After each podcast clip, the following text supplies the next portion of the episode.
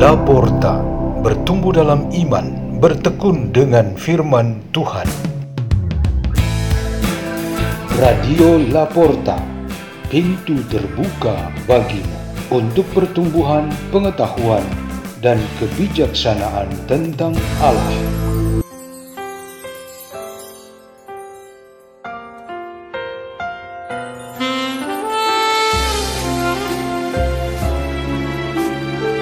Bacaan dan Renungan Sabda Tuhan Hari Jumat Pekan ke-6 Masa Biasa 17 Februari 2023 Dibawakan oleh Robertus Roinalus Gunawan dari Komunitas Pukat Labuan Bajo Keuskupan Ruteng, Indonesia.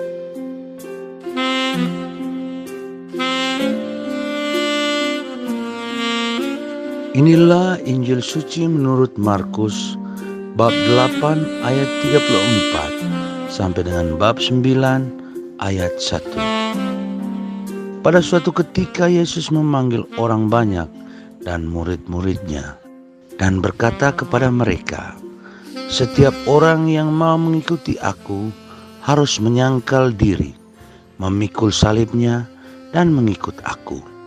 Karena Barang siapa mau menyelamatkan nyawanya, ia akan kehilangan nyawanya. Tetapi barang siapa kehilangan nyawanya karena aku dan karena Injil, ia akan menyelamatkan nyawanya. Apa gunanya seorang memperoleh seluruh dunia, tetapi ia kehilangan nyawanya? Karena apakah yang dapat diberikannya sebagai ganti nyawanya?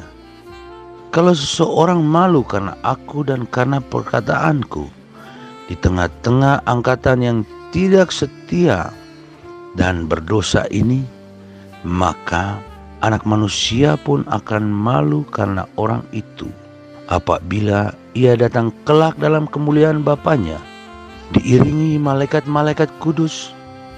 Kata Yesus lagi kepada mereka, Aku berkata kepadamu, Sungguh, di antara orang yang hadir di sini ada yang tidak akan mati sebelum mereka melihat kerajaan Allah datang dengan kuasa. Demikianlah sabda Tuhan.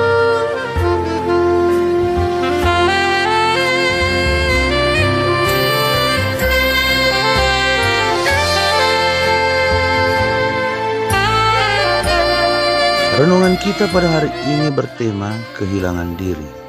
Seorang gadis remaja baru saja merayakan ulang tahun yang ke-17.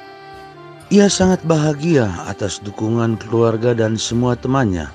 Karena baginya ulang tahun ke-17 adalah puncak kehidupannya sebagai seorang remaja. Ada banyak harapan dan nasihat disampaikan kepadanya yang pasti menghibur dan menguatkan dia. Ia mendapat kesempatan untuk memberi sambutan pada hari bahagianya. Dalam sambutannya, ia mengutip kata-kata dari Santo Yakobus di dalam Perjanjian Baru yang berbunyi, "Iman tanpa perbuatan-perbuatan adalah mati."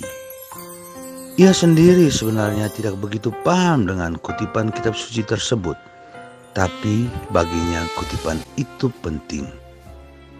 Beberapa hari sebelum perayaan ulang tahunnya, ia menemani ibunya belanja di pasar.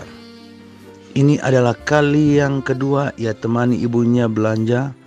Setelah kali pertamanya pada waktu ia masih di bangku SD, ia baru menyadari saat itu ketika ibu tidak normal dan mengangkat barang-barang belanjaannya. Tangan kanannya agak lumpuh karena kecelakaan sepeda motor di waktu lalu saat sedang berjalan ke pasar. Ia sangat kasihan kepada ibunya yang selama ini bekerja bagi keluarganya, tetapi hanya dengan tangan kirinya yang normal. Berangkat dari kesadaran itu, ia tidak lagi membiarkan ibunya mengangkat barang-barang berat yang bisa menyebabkan kehilangan keseimbangan. Ia harus selalu membantu ibunya untuk meringankan beban kerja ibu. Gadis itu mengerti bahwa ibunya telah mengalami kehilangan diri atau melakukan pengorbanan diri yang besar demi kebaikan dan sukacita di dalam keluarga.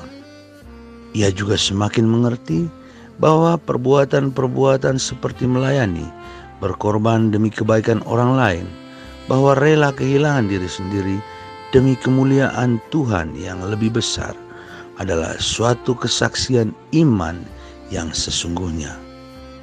Maka ia sangat suka dengan kutipan kitab suci tersebut.